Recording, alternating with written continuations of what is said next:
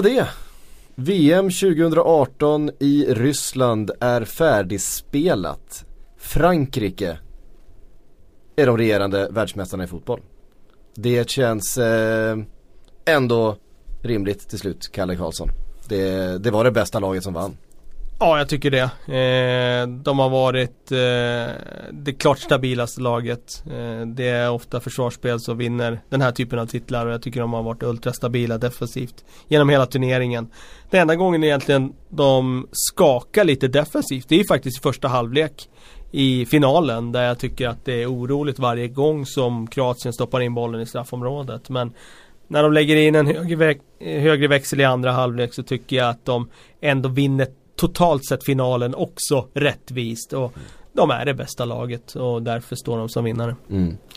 I sådana här kombinationer med att ha matchavgörande spelare framåt och eh, den här otroliga soliditeten defensivt lite utav det att, att Kroatien skapade så mycket var ju faktiskt att eh, det som kanske varit en av turneringens spelare, N'Golo Kanté, inte kom upp i nivå i den här matchen. Han blev ju till och med utbytt i, i andra halvlek. Det har man ju inte sett många gånger att det är hans nummer som står på skylten liksom. Han, han kan gnugga på hur länge som helst känns det som.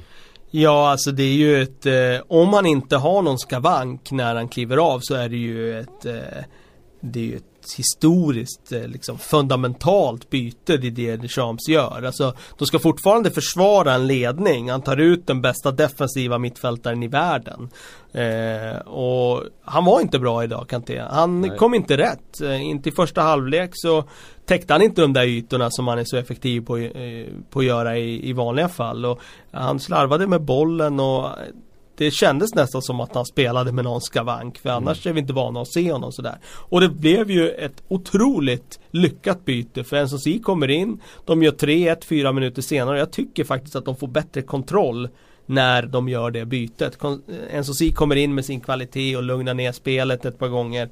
Och det räcker faktiskt för att Frankrike i det läget ska få kontroll på matchen. Mm. Sen är det klart att 3-1 målet blir ju såklart det, det förändrar ju saker och det är jätteviktigt att göra det också såklart. Och sen det att det är ett skede där Kroatien spelar ganska mycket högt och långt. Eh, och det blir mycket nickdueller och det är klart att en Sosi 1,97 mot eh, N'Golo Kanté 1,68. Eh, även om man kanske värderar Kanté högre som, som defensiv eh, mittfältare så är det klart att i det spelet så, så finns det ju vissa fördelar med att vara lång. Eh, och ha lite längd på, på planen. Men det är ju någonstans så här, vi kommer ju inte undan att prata om den här finalen och, utan att prata om situationerna som leder fram till framförallt Frankrikes två första mål. Eh, det börjar med en mycket tveksam frispark som eh, Grishman skapar sig själv då. Eh, någonstans så åker han ju på den där smällen oavsett. Han lägger sig ju oerhört enkelt men eh, det blir en frispark. Mandzukic är det väl som styr in den i eget mål. Det blir ett, ett självmål och det är gränsfall offside. Det är många sådana där gränsfalls eh, domslut som de får med sig i, i följd här. Eh, och det är såklart det är ett skede då Kroatien har skapat mest och varit det bättre laget i, i början av matchen. Jag utgår från att de tittade på det där målet eh, i videorummet och kom fram till att han inte var offside. Det ser ut som att han är offside. Sen såg jag en reprisbild där man kanske kan ana att Vidas fot är nedanför eh, Pogba, vilket gör att han inte skulle vara offside. Men det, när jag såg den första reprisbilden, då var det första jag tänkte på att Pogba var offside, att han knuffar Strinic, han definitivt påverkar och att det då borde ha varit ett bortdömt mål. Eh, men jag håller med dig, det är ett riktigt sådär eh, mål med extremt små marginaler och Frankrike hade dem med sig i det, i det fallet. Sen kommer ju Kroatien tillbaka och, och återigen fast situation och Perisic stoppar in ett eh, glimrande avslut får man ju säga till 1 Ja det är jättevackert. Det, det är ju det är någon slags variant ju som på något sätt leder fram till en slumpsituation. Som blir eh. bättre än vad de hade kunnat tänka sig. ja alltså de vinner ju, de får ju vinna fyra nickdueller eller något sånt där innan, innan bollen dimper ner. Men, men eh, varianten är ganska fin ändå. Att, att eh, först skicka ner några löpningar, fejka första tillslaget och sen då lägga en lobb på bortre stolpen. Det blir ju rätt effektivt när mm. man ser att de, att de lyckas med det i alla fall, eh, första grejen de gör. Eh, sen så kommer vi till den andra situationen, den andra domslutet som är det som förstås är ännu mer omdiskuterat och det är straffsituationen. När Perisic får bollen på handen. Mm. Eh, det det är ju ingen som, alltså det är väldigt många som är oense här och ingen som har ett riktigt svart på vitt facit kring hur det ska göra. Det, vi har en, en, en jätteduktig domare i Nestor Petina som har tittat på den här situationen och bedömt det som straff.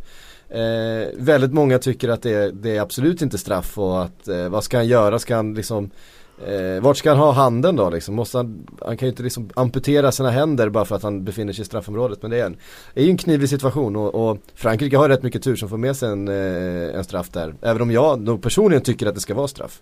Ja, alltså det är ju en riktigt, riktigt eh, prekär eh, Delikat situation. Ja, delikat situation och avgörande läge i matchen också. Det står och väger vettet.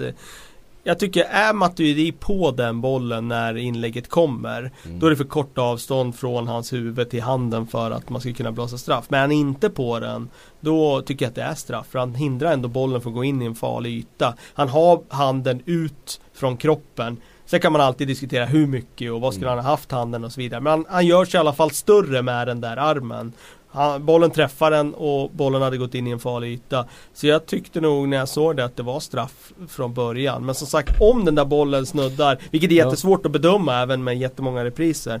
Snuddar den Maturidis gässa då är det ju väldigt svårt att hinna reagera och då tycker jag inte det ska vara straff. Ja, precis. Jag, jag baserar mitt, min känsla kring det på att den inte nuddar Matuidi.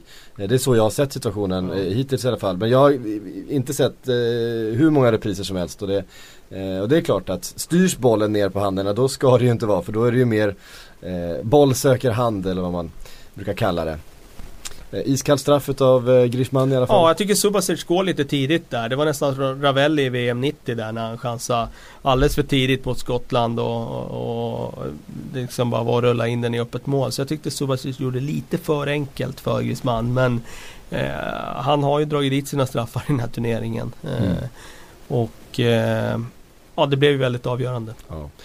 Lite nerver på på spel, eller lite nerver som påverkar förstås en sån här situation i en VM-final. Eh, om man ska rädda den där straffen om man är rätt sugen. Eh, sen Paul Pogba, 3-1. Inte jättemycket att säga, det är ju ett, eh, det är ett klassavslut med vänstern.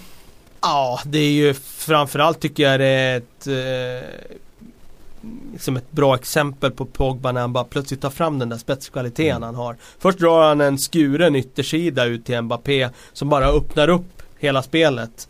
Och det är det som är eh, föranleder anfallet och sen Mbappé med sin liksom individuella kvalitet utmanar, går förbi och så landar bollen på Pogba och så får han en chans till och då drar han dit den stensäkert. Jag tycker väl Modric i det läget kan täcka skott mer hängivet än vad han gör.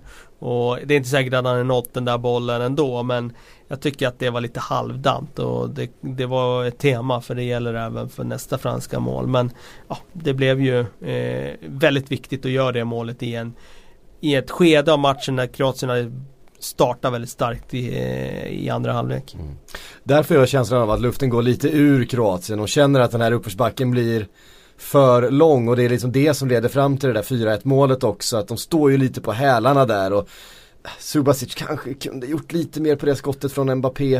Eh, han kanske kunde fått lite mer hjälp också från, från försvaret där. Ja, Vida, som jag har hyllat ja. så mycket i den här turneringen tycker jag täcker skott på ett alldeles horribelt sätt. Alltså han, han står bara i vägen i skottlinjen för Subasic. Han inte ser något och han täcker ingen del av målet och han gör det väldigt halvdant. Och det, ja, jag håller med dig. Det är precis som att ah, nu, nu är det här kört. Nu, mm. nu är det skitsamma om jag täcker det här skottet. Och det tycker jag var synd. För att hade det bara varit 3-1 och de hade fått den där reduceringsmålet då hade det blivit riktigt spännande. Ja, så fick de en present utav, uh, utav uh, nu höll jag på att kalla honom för Loris Karius men ja. han heter Hugo Lloris. de har skämtat så mycket om den liknelsen och de har nästan samma namn och sen Lorius Loris, är det det precis. vi ska kalla honom för? Hugo, Hugo Loris Karius. Alltså det är ju ett helt ofattbart misstag att göra i en VM-final. Ja. Alltså fatta om han hade gjort det där och det hade varit 3-1 bara. Mm. Så de har tagit sig in i matchen, fått en livlina och kanske 3-3 mål. Jag tror i och för sig inte han hade gjort sådär om det hade stått eh, 2-1. Alltså han agerar i den där situationen som att det här är redan klart. Jag kan lalla här. Mm. Eh, och jag sa i pausen där i vår sändning att eh, man vet aldrig. Lloris har ett misstag i sig. Eh, och mycket riktigt så fick vi se det i den här finalen. Mm. Han har gjort ett fantastiskt mästerskap i övrigt ska man säga. Det har varit väldigt bra. Eh, ju en av kandidaterna sen när vi ska ta ut en VM-11 kan jag tänka. Men det har funnits eh, många bra målvakter i det här eh, VMet. Det är också en spaning vi, vi ska återkomma till. Eh, 4-2 blir det i alla fall. Den målrikaste VM-finalen sedan VM 58 eller? ja, Ja. Sverige-Brasilien. Mm. 5-2 då den gången. Just det. Eh, så att eh, det har varit väldigt tråkiga tillknäppta finaler de senaste mästerskapen så Kul med någonting annat och på något sätt väldigt representativt för det här mästerskapet. Det har blivit mycket mål, Ja. det har blivit mycket straffar, det har blivit mycket självmål. Eh, Det har varit mycket VAR. och det har varit mycket VAR och det, vi fick alla de här eh, detaljerna och ingredienserna i den här finalen. Den blev väldigt på något sätt signifikativt för hela turneringen tycker jag. Ja. Jag vill verkligen lyfta på hatten där för Kroatien för jag tycker det är de som driver matchen hela tiden. Det, Frankrike är defensivt, eh, reaktivt, de står lågt, de låter Kro- Kroatien ha bollen. Så jag tycker Kroatien som ser till att det blir en bra match i finalen. Det är de som vill framåt, det är de som skapar chanser framåt. Det var ju faktiskt ganska dråpligt att när vi gick till paus så hade Frankrike haft ett skott på mål, det var Griezmanns straff. Eller ett avslut Mm. överhuvudtaget. Ja. Inte bara på mål utan avslut överhuvudtaget. Och ledde matchen med 2-1. Ja, jag tror det var 7-1 i... 7-1 i avslut var det i paus. Och jag tycker Frankrike har alltså en enorm portion tur som går till eh, ledning i paus. För Kroatien hade dessutom lägen som de hade kunnat gjort mer av. Mm. Perisic missar något inspel där, där det kunde ha blivit riktigt farligt. Så, och de är framme och hugger flera gånger. Så att jag tycker Kroatien eh, gör en fantastisk insats i den här finalen i första halvlek och första fem minuterna efter paus. Mm. Eh, sen är det som att bensinen tar slut. Och det, är det, det var precis jag skulle komma till. Man märker, alltså vi har ju hyllat Modric för de här maxlöpningarna han har tagit på övertid, liksom flera matcher i rad där. Han kom ju inte riktigt upp i nivå i den här matchen och man såg ju att han var ju sliten helt enkelt. Där vägen fram till det här VMet för det här Kroatien har ju tagit mycket mer på dem än vad motsvarande har gjort för Frankrike som var ganska bekvämt i många utav sina matcher fram, fram eh, genom den här turneringen. Ehm, kunnat slå av lite på takten, kunnat göra byten, kunnat eh, ta det lite lugnt medan Kroatien ju har kämpat med näbbar och klor hela vägen och, och liksom det är 120 minuter plus 120 minuter plus 120, alltså det är liksom eh, det är förlängningar i varenda match fram, eh, alltså fram till finalen och det, det är klart att till slut så orkar man inte och, och fysik och, och ork är ju så oerhört viktigt i de här sammanhangen att, eh, att man orkar ta jobbet hela vägen. Eh, och det såg väl kanske, och så åker man på ett 3-1 eh, och då är det klart att när kroppen skriker och, och orken inte finns där och då, då är det lätt att det blir så att det, eh, man sjunker igenom lite grann. Ja efter 4-2 målet för det hade ju kunnat varit en livlina in i matchen Mm. och liksom få Men lite tryck med där. fasta situationer och sådär. Det blir ju en situation där de ska få en hörna och så ser inte domaren det. Och det var lite synd för det hade kunnat gett en hörna och vi har sett Mm. vad, vad farliga fasta situationer är i VM. Så det var liksom deras chans och när de inte fick den hörnan det blev ju inte så mycket mer efter det. Det var, kändes aldrig farligt. Det. Sista 20 minuter kändes det mer som en tredjeprismatch i VM än vad det kändes som en VM-final. Det var ju väldigt avslaget i den delen av matchen. Det, eller sista, ja om vi tar med tilläggstiden så är det sista 20 minuterna av finalen. Mm. Från minut 75 och framåt så är det väldigt avslaget och eh, de är inte riktigt där då Kroatien. De orkar ju inte, de orkar inte jaga, Nej. jaga målet eh, helt enkelt som de hade behövt. Ehm, det är ändå en, en fantastisk historia. Vi får ett Kroatien för första gången i en VM-final. Eh, och vi får ett Belgien eh, ändå, ändå med en VM-medalj. Det tror jag de, eh, det är deras första VM-medalj eh, i historien. De förlorade tredjeprismatchen där 86 mot, just, mot Frankrike. Stämmer. Ehm, så det glädjer vi oss eh, med dem ändå men, men eh, Frankrike är värdiga vinnare. Om vi tittar på hela turneringen då. Eh, den stora snackisen har ju varit VAR. Eh, och vare sig vi tycker om det eller inte så är det ju här för att stanna för jag tror inte att man kommer backa ifrån det och, känna, och säga att "Nej, det här var en dålig idé. Eh, det här blev ju inte som vi hade tänkt. Nu lägger vi ner. Jag tror att eh, däremot att det kommer förändras en del kring det och man kommer försöka effektivisera det på olika sätt. Men eh, det oavsett vad vi tycker om det så tror jag att det är här för att stanna. Det tror jag också, eh, på gott och ont. Eh, jag tror fotbollen står inför svåra frågor att besvara framöver. För att när man för in någonting så finns det en risk att det går längre och längre och längre och snart kommer vi sitta och, och se fotbollsmatcher utan någon domare utan, ute på planen utan det är, de sitter och styr allt från videorummet, varenda inkast och varenda frispark och allting. Och, eh, jag tycker väl att eh, det finns fördelar med VAR. Men eh, jag är inte riktigt nöjd som det har blivit nu för diskussionen har inte avslutats utan nu sitter man bara och diskuterar vad som borde ha tittats på VAR och vad som inte har tittats på VAR. Ja. Eh, och det gillar jag inte riktigt att det har blivit så. Nej. Um, turneringen som helhet då? Det har varit mycket mål, uh, en del skrällar. Uh, de europeiska lagen som har dominerat. Vad ger du den här VM-turneringen för, för omdöme och betyg? Och det, om man nu tänker tillbaka till det som en enhet. Nej, alltså jag vet att många har varit lyriska över det här VMet. Jag tycker att det har varit fyra plus för mig. Det har varit underhållande. Eh, det har varit dramatiskt i många fall, vilket är, eh, är kul och det är det vi vill ha. Jag tycker väl att spelkvaliteten har varit sisådär. Eh, det är min uppfattning. Jag tycker väl inte att det har varit eh, några större höjder egentligen. Mm. Jag tycker att man har fått ut väldigt mycket för att spela defensivt och lågt. Det är många lag som har eh, Man har klarat sig eh, bra på att vara defensiv kompakt. Satsa på omställningar, fasta situationer. Och vi ser ett Frankrike som vinner VM nu. De har varit eh, väldigt defensiva sett till det materialet som de förfogar över.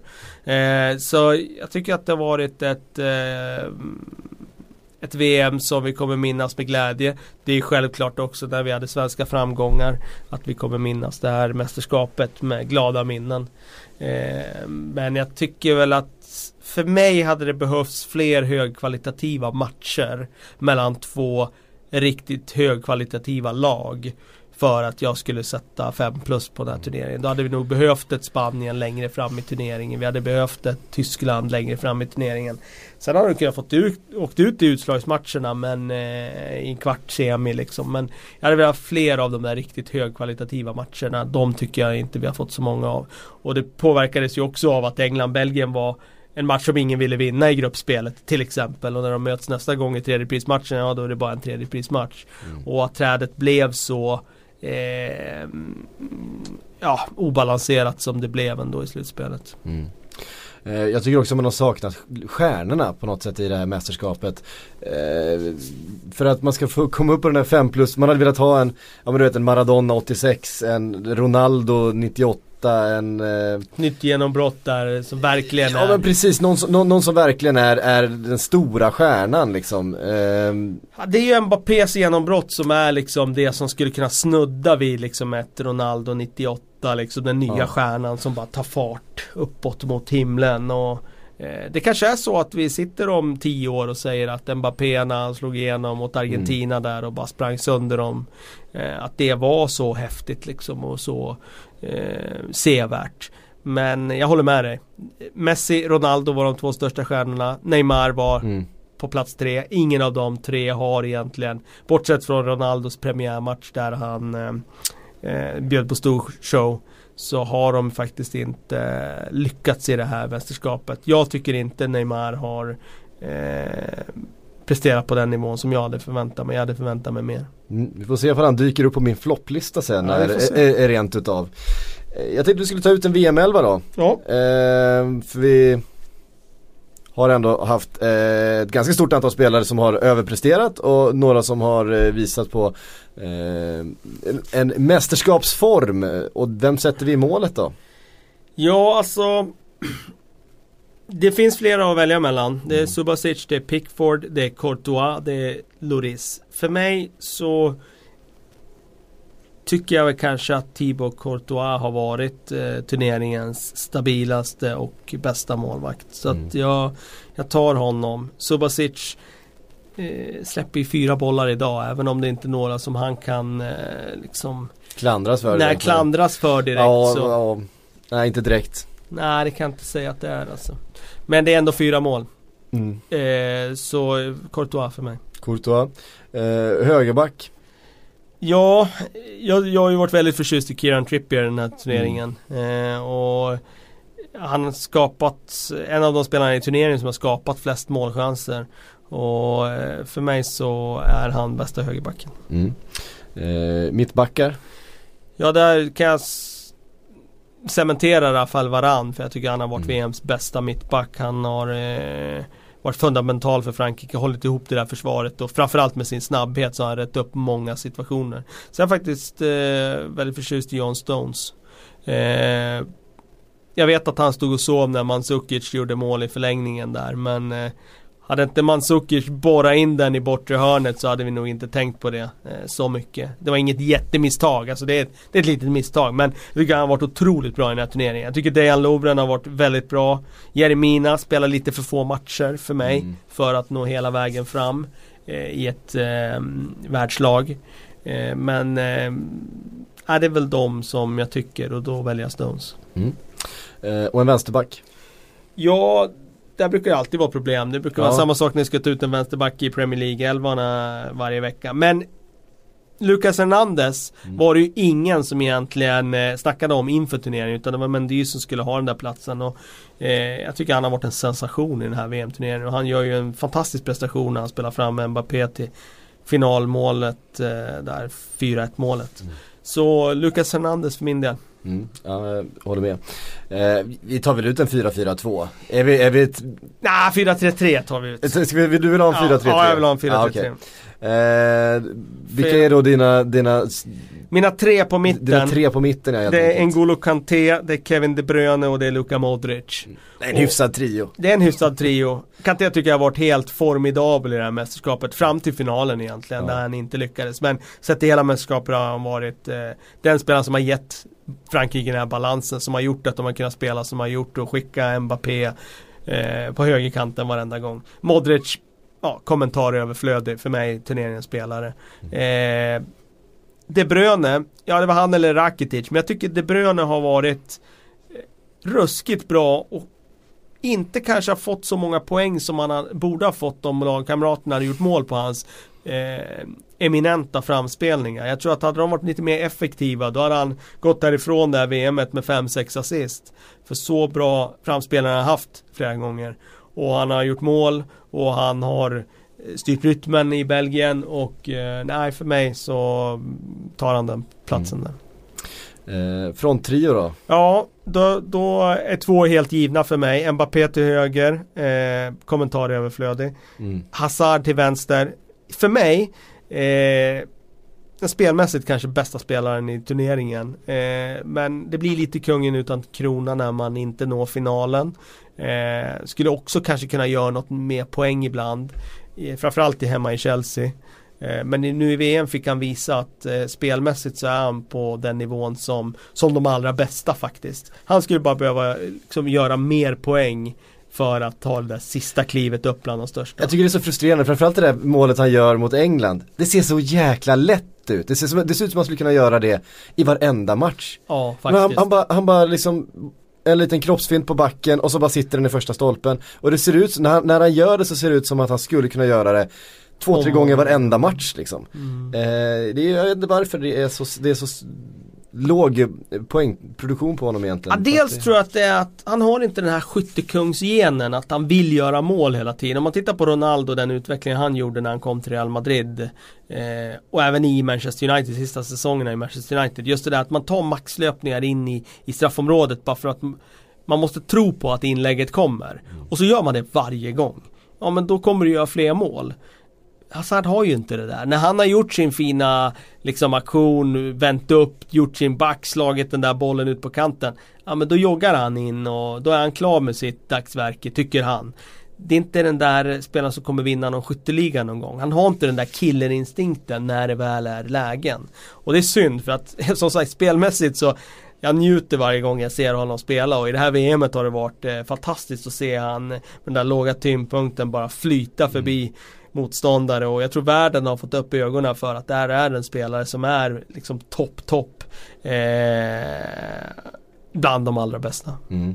Han, han, skickade ju lite, lite tvetydiga signaler om sin framtid också. Vi får väl se här när, när den här eh, VM-podden som vi eh, spelar in nu då blir Sillypodden på heltid här nästa vecka igen. Det kommer nog bli en och annan, en och annan Hazard eh, Spekulation här i pressen Spekulation ja, precis. Ja så, är, så blir det ju. Eh, min känsla har hela tiden varit att Real Madrid, de säljer inte en Ronaldo utan att ha eh, sitt på det torra med att de får Mbappé, Hazard eller Neymar. Så att någon av de tre kommer de att lösa. Sen vem det är, det får vi se. Men min känsla är att det kan bli Eden Hazard. Mm.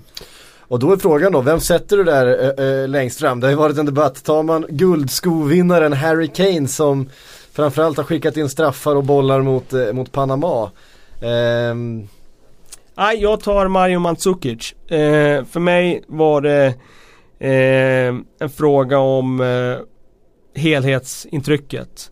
Eh, hans allround-spel har varit eh, outstanding i det här mästerskapet tycker jag. Hans eh, sätt att eh, ta jobbet defensivt, pressa till sig chanser, löpa för lagkamrater, suga ner bollar, eh, spela fram, göra mål, viktiga mål, inte bara mål i gruppspelet utan tunga mål. Och han slutar på tre mål nu. Visst det kunde ha varit något till. Men eh, jag tycker att eh, man ser på hela Kroatien vad de, vad de gynnas av att ha en sån anfallare som Mandzukic. Så för mig är han VMs bästa anfallare. Mm. Ja där har vi, där har vi eh, Kalle Karlssons VM-11 då. Facit kan vi säga. Facit, ja absolut. Ja. Lukaku får vi väl också nämna i den där som jag tycker har, haft en bra turnering. Absolut, eh. eh det är ingen tvekan om det. Det var ju en, såklart en, eh, en, diskussion där mellan Kane, Lukaku och Mandzukic i mitt fall. Mm. Och det blev Mandzukic. Ja. Fint. Eh, har... En annan anfallare som var väldigt bra, det var ju faktiskt Cavani. Ja. Synd att han var avstängd i kvartsfinalen mm. mot Frankrike. Jag tror att Uruguays chanser minskade drastiskt med det. Eh, och, ja verkligen. Eh, han hade kunnat varit aktuell för eh, de allra största priserna om de hade gått längre. Mm. Ja, han var majestätisk ja, faktiskt i, i början av turneringen. Eh, de första omgångarnas eh, bästa spelare kanske rent utav. Ja, han var ju briljant i första matchen där när Suarez missade chans på chans på chans. Mm. Eh, och sen fortsatte han ju bara. Mm. Eh, fem floppar har jag tagit ut. Nu får du se om du eh, mm. skjuter ner dem här eller inte. Flopp nummer ett, Tyskland. Det är inte mycket att säga Nej, om. Det, det, Men det är den största floppen då? Du börjar med Ja, vi har ja. Typ så här, den, ja. den, största floppen. Den är ju ja. mest given också. Då blir det liksom eh, På plats nummer två, Spanien. Ja. Eh, de ska ju liksom inte åka ut mot, mot Ryssland på det där sättet som de gör. Eh, på det oerhört bleka, tråkiga sättet som de valde att spela fotboll på. Eh, hade väl vissa, vissa förklaringar i att de eh, fick sin förbundskapten avskedad eh, två dagar före premiär och så vidare. Att de, de inte riktigt fick, de inte riktigt fick ihop det. Nummer tre, Neymar. Okay. Kom ju till det här VMet som med ett Brasilien, ett favorittyngt Brasilien, det laget som de flesta hade som sin guldfavorit inför. Jag vet inte hur många i, i vår VM-bibel det var som hade Brasilien som, eh, som sin favorit. Det var säkert 8 av 10. Ja, det var ju tre som eh, hade Frankrike som vinnare. Mm. Och det var jag, Linn och Riktigt. Anna Rydén. Du, Linn och Anna Rydén. Ja. ja all heder åt er. Um, min uh, du ska säga nu, precis, min fjärde, jag ska säga någonting om Neymar förresten, flopp.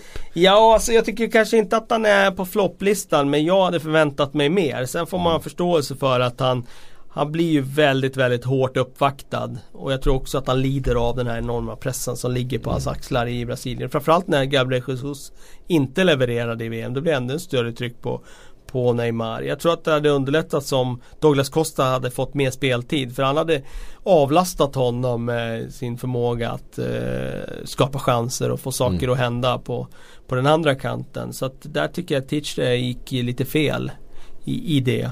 Eh, sen eh, jag spyr ju på hans sätt att ligga ner och överdriva något så enormt hela tiden. Och, hans uppträdande är ju tyvärr en flopp ibland. Mm. Vilket är tråkigt. Det är, på något sätt att... det, det är på något sätt den bilden som han har eh, lämnat efter sig från det här VMet. Det är det, det är det snacket som har varit kring honom. Ja det är ju det tyvärr och det tycker jag är synd för han har så otroligt mycket talang och han har så otroligt mycket kvalitet och det, det skulle vara bättre för honom om det var det vi diskuterade för att det är ingen snack om att han är en av världens absolut bästa spelare men eh, Tyvärr hamnar rampljuset på något annat för ofta. Mm. Flopp nummer fyra, Argentina. Mm. Ja, kom, ju... kom, ju inte med något favoritskap direkt och de kommer från ett väldigt svagt kval till VM också så att det, det, ska väl kanske inte ses som någon större överraskning att de inte levererade bättre än så här men det är ändå svårt att liksom inte känna, tycker jag, att det är en flopp med de, de spelarna de har, att de inte får ihop det. Sampaoli kanske är den som ska vara floppen här. Ja, det kanske är. Eh, men samtidigt, man, man tänker ju på Argentina som en stor nation och mm. eh, när de kraschar ut så är det klart att man ser som en missräkning. Samtidigt om man tittar på det laget de har så, nej de är ju inte, de är inte bättre än så här. De har Messi och sen är det inte så mycket mer. De har en drös med anfallare som är jättebra men alla de där 7-8 anfallarna kan ju inte vara på plan samtidigt så det hjälper ju inte så mycket att de har Icardi på hemmaplan eller att de har Igoin på bänken eller att de har Agüero på bänken. De hade behövt ett mer balanserad elva och vi ser vilket lag som vann VM-guld. Det var laget som hade den bästa balansen. Mm. De kanske de två lagen som hade den bästa balansen i, i ja, möttes i final. Mm. Eh, min sista flopp då, Afrika. Ja. Det var inga afrikanska lag med när det väl drog ihop sig. Ja, det är jättetråkigt för jag tycker att det är häftigt med Kroatien som går till final och visar att fotbollsvärlden växer och liksom det går mm. för den lilla nationen att ta sig hela vägen. Men Afrika eh, där vi har väntat så himla länge på att de verkligen ska göra sig liksom hörda i de här sammanhangen. Hela 90-talet levde ju på VM 90-sagan med mm. Kamerun mm. som gick långt där till kvart och var snuddande, snuddade vid en semifinal då.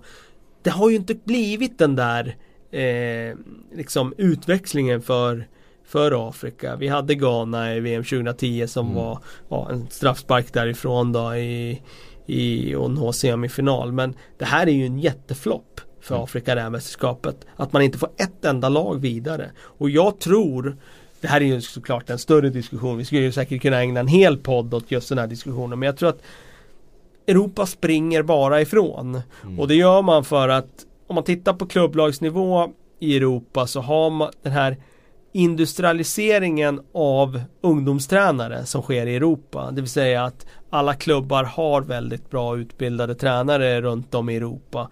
Eh, det satsas väldigt stora pengar på ungdomsfotboll och utbildningen av spelare, akademier och allt det där. Det är det vi ser nu i, i, i liksom ett VM att Europa springer egentligen bara ifrån de andra länderna. Så har vi Brasilien som är ja, historiskt ett jättestort fotbollsland och mm. där det finns massa miljon, miljoner fotbollsspelare. Det är klart att de kommer producera. Argentina som såklart är starka, Colombia, det finns någon till i Sydamerika som har mycket tradition. Men Afrika, just nu så är det som att eh, avståndet bara ökar från Europa mm. mot Afrika. Det är också det man, tittar man på de afrikanska länderna som är bäst just nu också då, eh, de som var med här så är det ju väldigt stora delar utav deras trupper som faktiskt är fostrade i, Europa, som är, ja, föd, födda inte, i Europa.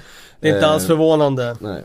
Eh, med, Senegal och med Marocko och så vidare. Eh, och Nigeria de, också. Och, och, Nigeria också. Och det var ju eh, också bara lite otur med lottningarna. Så vi hade både eh, Marocko och ehm, Ja, tuff grupp för deras Ja, del. väldigt tuff grupp för, för Marocko. Eh, Nigeria hade jättetuff grupp. Intressant lag på många sätt. Men, men Senegal hade en jämn grupp. Senegal hade en jämn grupp. Eh, de underpresterade lite också tycker jag utifrån sina förutsättningar skulle jag vilja hävda Senegal. De har ett, hade ett ganska spännande lag. De borde kanske gjort, gjort mer. Men så är det i alla fall. Eh, nu går vi över till fem succéer. Som jag har eh, scoutat då inför mm. den här avrundningen. Ja, första plats Kroatien. Så succén Kroatien, att det här lilla landet tar sig till en VM-final. Det är, finns inte så mycket mer att säga om det. Nej, alltså vi har ju alltid vetat att de har ett bra material. Det har de ju haft länge. Eh, det har ju varit flera mästerskap där man har sett att det här är det här är ett bra lag, det är ett bra material. jag menar, vi satt inför när vi gick igenom gruppen och så, det här är VMs allra bästa mittfält ja, liksom. Så, eh, så och, och um, Däremot... det är ingen super, det, alltså man ska säga att det är ingen superskräll att just det här laget tar sig till en final. Men det är en otrolig succé att ett, ett land som Kroatien kan få fram ett så här bra lag. Ja, det är väl det som är grejen. Det, det är klart ville... att det är en skräll, alltså det beror på hur man vänder och vrider på det. För jag menar, å andra sidan sa vi eh, att de har ett jättebra lag och de har världens bästa mittfält och mm. eh, så vidare. Och Samtidigt så var det ju väldigt många inför VM som eh, liksom upprepade som ett mantra att det är bara 5-6 lag som kan vinna turneringen. Ja. Och där var ju inte Kroatien nämnda i det sammanhanget. Nej. Utan då var det de vanliga, det var Tyskland, det var Spanien, det var Frankrike och så vidare. Så att, att de går till final är ju såklart en skräll. Men det är klart att de och Uruguay kanske var i den där liksom Ja eh, gruppen av lag som kan Precis, vara lite ja, dark horse och som mm. skulle kunna överraska och kunna ta sig mm. vidare mot en eh, semifinal eller rent av en final. Mm. Och det är klart att det är en supersuccé med ett så litet land som går här hela, hela vägen till en final. Och jag tycker det är jättehäftigt som sagt. För jag hoppas att det ger svallvågor till andra länder och se att det är möjligt. Jag hoppas också att de kan få, att den här generationen har ett eller två mästerskap till i sig liksom. Nu börjar det bli lite ålder på några av dem men ja, Modric EM... känns ju som en evighetsmaskin men jag tror inte att han är med om fyra år alltså. Äh... Det blir nog VM två år bort. Det är nog hans sista eh, show i så fall. Ja, eh, och han är ju Han är ju viktigast Han är ganska vital för dem ja. Den bästa eh, Den bästa kroatiska spelaren genom alla tider som han ju Ofta har kallats. Eh, Nästa succé, Mbappé, det stora genombrottet. Eh, den tonåring som gjort flest mål i en, eh, en VM-turnering sen Pelé, eh, 58. Ja, han är ju, det är ju bara tre tonåringar som har spelat en VM-final vad jag förstår. Det är Pelé 58, eh, det är Bergomi 82 och det är Mbappé nu då. Mm. Så att eh, det är, att Bergomi försvararen skulle ha gjort mål i 82-finalen. det, det, är inte så stor chans. Så det är klart att det är häftigt. Det är historia som skrivs. Det är eh, fantastiskt att se den här unga spelaren som det, han, är ju redan, han är ju redan en av världens bästa fotbollsspelare. Ja, han är, är redan en superstjärna. Och vi vet ju att det här är, det här är ju på något sätt den naturliga arvtagaren eh, som eh, alltså den framtida guldbollen, eh, aspiranten som vi, som vi kommer här, på förhand plocka ut och en spelare som vi kommer prata så oerhört mycket om de, de kommande 10-15 åren kanske till och med. Eh, och det är ju jättehäftigt att man har fått se det här. Eh, nästa succé är Ryssland. Eh, det mest utskällda laget på förhand, det lägst rankade laget inför, det sämsta värdnationen någonsin i ett VM är framme i en kvartsfinal. Ja, alltså man skulle kunna argumentera för att de ska vara högst upp på listan. För ja. att eh, så utdömda som de var före det här mästerskapet, det tror jag är svårt att förstå. Men hemma i Ryssland var man ju rädd för att de skulle skämma ut landet i den här turneringen. Att de var så svaga, de hade skadeproblematik, eh, de hade utskällda spelare, de hade ingen eh, forward som skulle göra mål och så kliver Zuba fram som liksom någon slags monster, frälsare och bara tar, bär laget fram mm. mot en kvartsfinal. Slår ut Spanien på vägen. Det var ju De fick ju en ganska tacksam lottning får man säga i gruppen men att slå ut Spanien eh, var ju såklart en jätteskräll och häftigt att de även tog kvartsfinalen till straffar. Mm. Um, nummer fyra på min lista över succéer, Sverige. Mm. Det, med de förutsättningarna, på, på samma Rysslands, Rysslands eh, faktor, även om Sverige var högre rankat så var det ju ett land så, och ett lag framförallt som omvärlden tittade på utan större intresse. Och, och ingen trodde ju att vi skulle vara framme i en kvartsfinal. Nej, det, det, det skulle ju inte gå. Nej, det, det var ingen som trodde. Vi trodde att vi skulle ha chans att sluta tvåa i gruppen.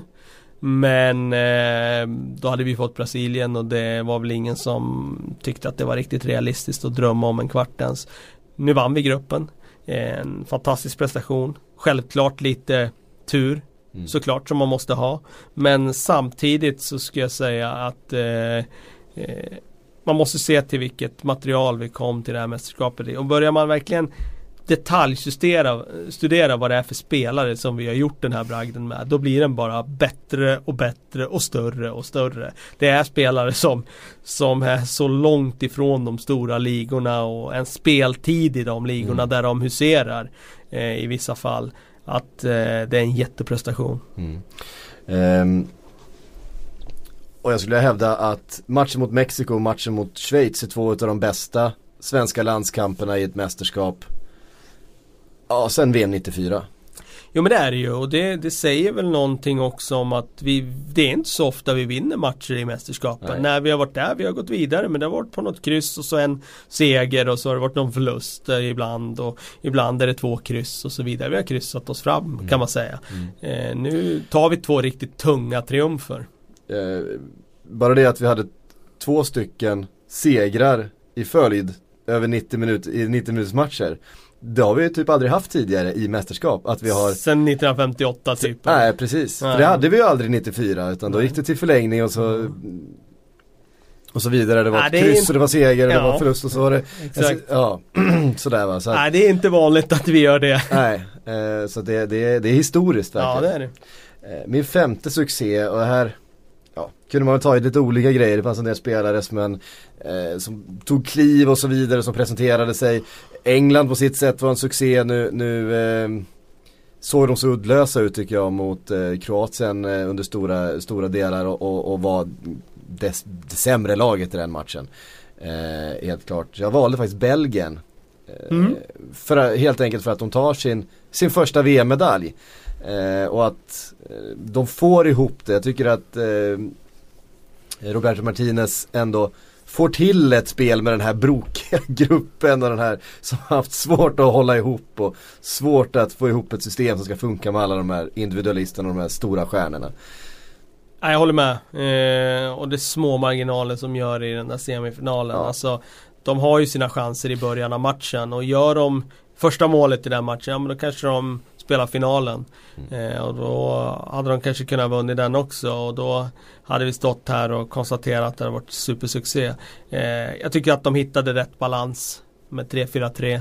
Jag tycker att de eh, spelade väldigt bra fotboll emellanåt.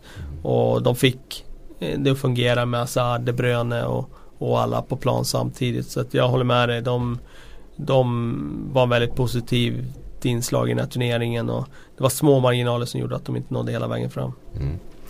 Um, jag tänkte vi skulle nu uh, bara så här uh, i våra huvuden göra en snabb ehm, uh, VM-krönika du vet de här ögonblicken som på något sätt definierar ett mästerskap. De här ögonblicken som man verkligen tar med sig. Alltså när, när, jag vet inte vem det är på SVT eller på TV4 som ska sätta sig och göra den här VM-krönikan någon gång fram i vinter. Men vilka ögonblick är det som på något sätt kommer få pryda inledning och som kommer få vara höjdpunkterna här.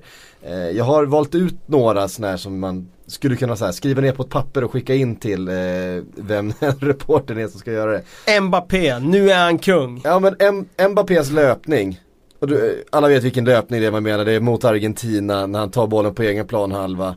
Eh, kommer upp i en hastighet som det ser ut som försvararna aldrig har sett förut. Eh, med boll, springer ifrån eh, fem, sex spelare och till slut blir nedriven och, och eh, fixar då en straff som sen blir, blir mål och eh, är väldigt avgörande för den matchen. Den, det ögonblicket är på något sätt det som skulle kunna vara, det är ju liksom VMs stora genombrott och den Ja, jag är ju... Då ställde man sig upp hemma i soffan och var så här, shit. Jag ställde mig inte upp. I det ögonblicket stod jag och coachade en division 2-match borta i Bollnäs inför 10-12 närmast sörjande.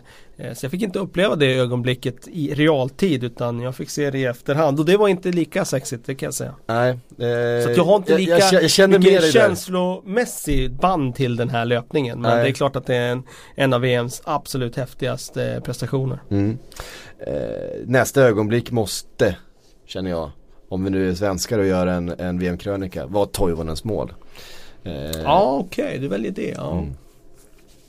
Hade du, vilket hade du valt? Forsbergs? Ja, jag tycker nästan det eftersom det är en utslagsmatch och mm. det är andra halvlek och det är liksom blir segermålet och så. Mm. Så jag hade nog valt Forsbergs. Även om Toivonen säger så wow liksom mm. 1-0 mot Tyskland men Nej, så det, och, och sen bara att det är Toivonen, det är liksom Det här är ju lite, det, det är liksom det är Granqvist landslag det här ja. men det är lite Ola Toivonens landslag också känner jag Du försöker jobba in Toivonen på den alltså? Ja. Nej, jag vet inte riktigt men okej okay, okej okay. Ja men det är just den här, det är liksom att personifiera det här som ingen tror på Som är lite utskälld föredetting som som inte ska vara där, som bara är där för att det inte finns någon annan liksom. Mm. Eh, och det är, som, det är som hela det här laget är på något sätt lite sådana eh, någonstans. Det är lite den eh, den diskussionen som har förts och han är på något sätt den ultimata Han har suttit på bänken nästan hela eh, säsongen, inte gjort ett enda mål för klubblaget eh, I ett normalt läge så ska ju inte han vara aktuell för att starta en VM-match för sitt, för sitt land Men där är han ju och sen levererar han på det sättet som han gör det är rätt häftigt. Har Ola Toivonen stigit upp på samma nivå som Steve Sidwell i din bok nu? Eh, inte, inte, inte riktigt Steve Sidwell nivå. Eh, men eh, Cattermole-nivå? Ja, kanske. Jag gillar Ola Toivonen oerhört mycket mer nu än vad jag gjorde för två månader sedan. Ja, okej. Okay, ja, det fair point. Det ska jag säga. Eh, Smolovs Panenka. Den tar jag också med mig. Det, ja. kanske bara, det kanske bara är jag för att jag, jag, jag är väldigt förtjust i straffläggningar. Och att eh, framförallt när det går så, så fruktansvärt fel som det gick för Smålov. Men det också hela historien med honom och att han han väljer att göra det liksom. Ja, han är den mest ja. utskällda spelaren liksom inför sin hemmapublik och eh, de har liksom baxat hela vägen till en straffläggning och så, så gör han så där. Ja, den är den berättar så mycket. Jag tror att han eh, har några sömnlösa nätter på den eh, framöver. Ja. Eh, ett annat ögonblick som jag tycker eh, man måste nämna så det är den där kontringen i slutet från Belgien mot Japan. Mm. För att den är, den är så extrem och med överhoppningen från Lukaku på slutet och ja, det är Det är turneringens mål egentligen. Det är ju det, det är, det är inte med det vackraste kanske men, men, men alltså det är sista som händer, alltså det är, det är så mycket i det liksom. Så att, Eh, Nej, jag tycker nästan det är ett turneringsmål just med om man tar hur snyggt det är, hur genomtänkt det är mm. och tyngden i det också. Mm. Eh, och när det sker, slutsekunderna. För jag menar, där är ju Belgien sekunder ifrån ett superfiasko. Alltså inte, inte fiasko är inte utslag, men, men alltså om det inte blir mål där och det blir förlängning och Japan tar det här till straffläggning kan man ja, mycket väl åka ur liksom. Såklart. Men jag menar skillnaden det målet gör är att man vinner den här matchen på, på full tid och, eller på vanlig tid och så vidare. Eh, och undviker den här eh, potentiella förödmjukelsen som det, som det hade varit. Och man gör det på det sättet med det målet och eh, att det verkligen är ett lagmål. Eh, ja, det, det, det, tar jag med mig. Då tänkte jag vi, vi tar det då, sen så går vi över då till turneringens mål. Eh, nu har jag inte med just det här målet bland mina tre, mest för att jag hade med det som liksom ett av turneringens ögonblick mer. Eh, jag börjar med Pavards fantastiska yttersida i bortre krysset. Eh, den, den, lever ju också väldigt mycket på att det var en väldigt bra kameravinkel på den. Men sånt ska man inte underskatta. Nej, exakt. Eh, man ska man ska skjuta i lägen där man vet att det finns en kamera som, som står i rätt eh, eh, position. Så att eh, Nej det, det var ju ett fantastiskt skott. Det är sånt där man kan se om och om, om igen. Vilken träff! Ja. Den är, är helt otrolig. Eh, nästa mål som jag valde är faktiskt Messis för jag tycker att det är Jag vet att du har bäsat det lite grann eh, Men jag tycker fortfarande att det är fantastiskt. Han, han har så mycket Alltså det ser så lätt ut när han gör det. Ja, det är på topp 10-lista för mig men det är inte topp 3 i, i mästerskapet för mig. Okej, okay. eh, mitt tredje mål var Cavanis och då tror jag du förstår vilken du menar. Ah, vilken jo, det... menar. Krossen till inlägget och sen ja. nyllet är det väl, han nickar in det med till slut men han, han tar den kroppsdelen som, som han kan använda i det läget. Det Världens längsta väggspel. Ja. Och sen den, det inlägget som är så stenhårt. Bara skjuter honom rakt i huvudet egentligen. ja. Eh, eller om det var axeln han nickade med eller vad det nu var. Men det var ju, ja det, det, det är ett häftigt mål. Ja. Alltså den första krossen där också från Cavani som är, är den, den ligger så två meter över marken bara. Visslar över huvudet på ett helt mittfält. Eh, Suarez suger ner den. Tar två touch och så skickar han den lika hårt tillbaks. Smask i nyllet på, på Cavani rakt in i mål. Sen har väl Cheryshev ett par kandidater också? Ja det skulle man kunna eh, slänga in dessutom. Jag tycker det, det finns ju det finns det ju finns fler flera, såklart. mål såklart. Eh, Nachos stolpe in är också jävligt häftig. Eh, Kolaros frispark är jag fortfarande svag för. Eh, jag tycker Coutinhos eh, mål i första matchen, det typiska Coutinho-skottet. Även om man har sett honom göra det så många gånger så är det fortfarande ett väldigt vackert Absolut. mål. Eh, och sådär. Det finns några stycken. Eh, Lingards mål mot det är ett, Panama, av de, här- ett av de här eh, Panama. alla må, målen mot Panama. Det drunknar lite att de gjorde så Ja. många mål där men det är ett oerhört vackert skott. Ehm, sådär, så det finns, finns många att ta av. Eh, ovanligt många faktiskt för att vara ett, ett, ett VM. Var det förra VM som det var så den förra VM var också väldigt bra med, med många vackra mål. Var det Det brukar väl Syd- alltid vara Sy, några. Sydafrika som det var väldigt ont om, Ja, om vackra, vackra mål vill jag minnas. Eh, nej men herregud, för fyra år sedan hade vi James Rodriguez. Bara sak. hyfs, hyfsade pärla. Ja. Ja. Det var VM 2018. Det var det. Ja. Det känns... eh, Kul så länge det varar. Ja precis, nu, nu är man ju lite VM-mätt Ja det är man ju såklart. kan man känna. Det är man såklart. Nu har vi så, tre veckor att vila, sen börjar ligorna igen. Ja, jag ska börja jobba med VM-bilaga, eller VM, säger. Liga-bilagan, Liga-bibeln ska jag börja med redan imorgon. Så att eh, det är bara kavla upp ärmarna och på nästa. Mm. Vi har fått ett par frågor. Ja. Jag tänkte vi skulle eh, Kör. ta in. Vi fick en här från Edvin Sjöqvist. Han tycker att det hade varit kul nu då när vi har lämnat det här och vi ska titta framåt och titta på framtida trupper. Oj, Eh, för vi har ju några ganska unga lag som har eh, varit framträdande i den här eh, turneringen. Eh, Frankrike inte minst, det är väl ett av turneringens allra yngsta lag. De går och vinner alltihop. Vi har ett England med ett väldigt ungt lag.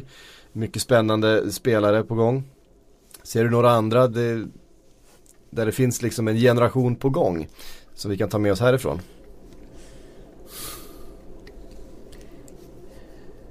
Ja, men Colombia med James Rodriguez som fortfarande är hyfsat ung, Jeremina som är ung, Quintero som kommer underifrån nu. De växlar ut Falcao såklart om fyra år. Men eh, där tror jag det finns någonting att kanske bygga vidare på också. Ehm, det, det landet som jag tror får tuffast med, med generationsväxlingen om man ser på nuvarande kvalitet till nästa om fyra år, det är Uruguay. Som kommer att tappa Suarez, som kommer att tappa Godin och som kan tappa Muslera och, och eventuellt även Cavani. Det får man se om fyra år om Mm. han eh, har springbenen fortfarande. Men där, där kommer det förloras mycket eh, kvalitet. Mm. Spanien står ju också inför en, de, håller ju, de är ju mitt inne i någon slags generationsskifte här nu med eh, Iniesta som förstås har slutat med det. Vi har en eh, Piqué och en Busquets och så vidare som har varit så oerhört bärande som, är, som ska fasas ut, ut här på något sätt nu. Ehm, Tyskland har ju, tycker jag, ett ganska spännande lag på gång, så mycket unga spelare. Ehm, sen vet man ju att Tyskland floppade nu men nästa mästerskap så är de med där igen och kommer vara favoriter och gå långt. Ehm, Dennis Eng undrar, eh, vad ger ni Paul Pogba för betyg i detta VM? Tycker han ska ha höga betyg. Jag tycker han ska ha 4 plus. Uh, han har varit bra. Uh, bra spelmässigt. Uh, har ju dessutom gynnats av att spela bredvid Kanté som har gett Frankrike eh, balans. Det har ju annars varit ganska svårt att spela Pogba på en mittfältstvå eh, i Manchester United. Eh, men med Kanté, med Matuidi som tar väldigt stort defensivt ansvar på sin vänsterkant så har det fungerat. Jag tycker att han har varit bra, eh, så 4 plus. Mm.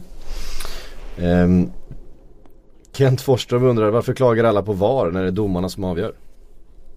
Nej men det är väl att det blir spelavbrott och sådana där grejer som man inte är van vid. Eh, jag gillar ju tanken med VAR eh, egentligen men jag är inte helt tillfreds med hur det fungerar idag.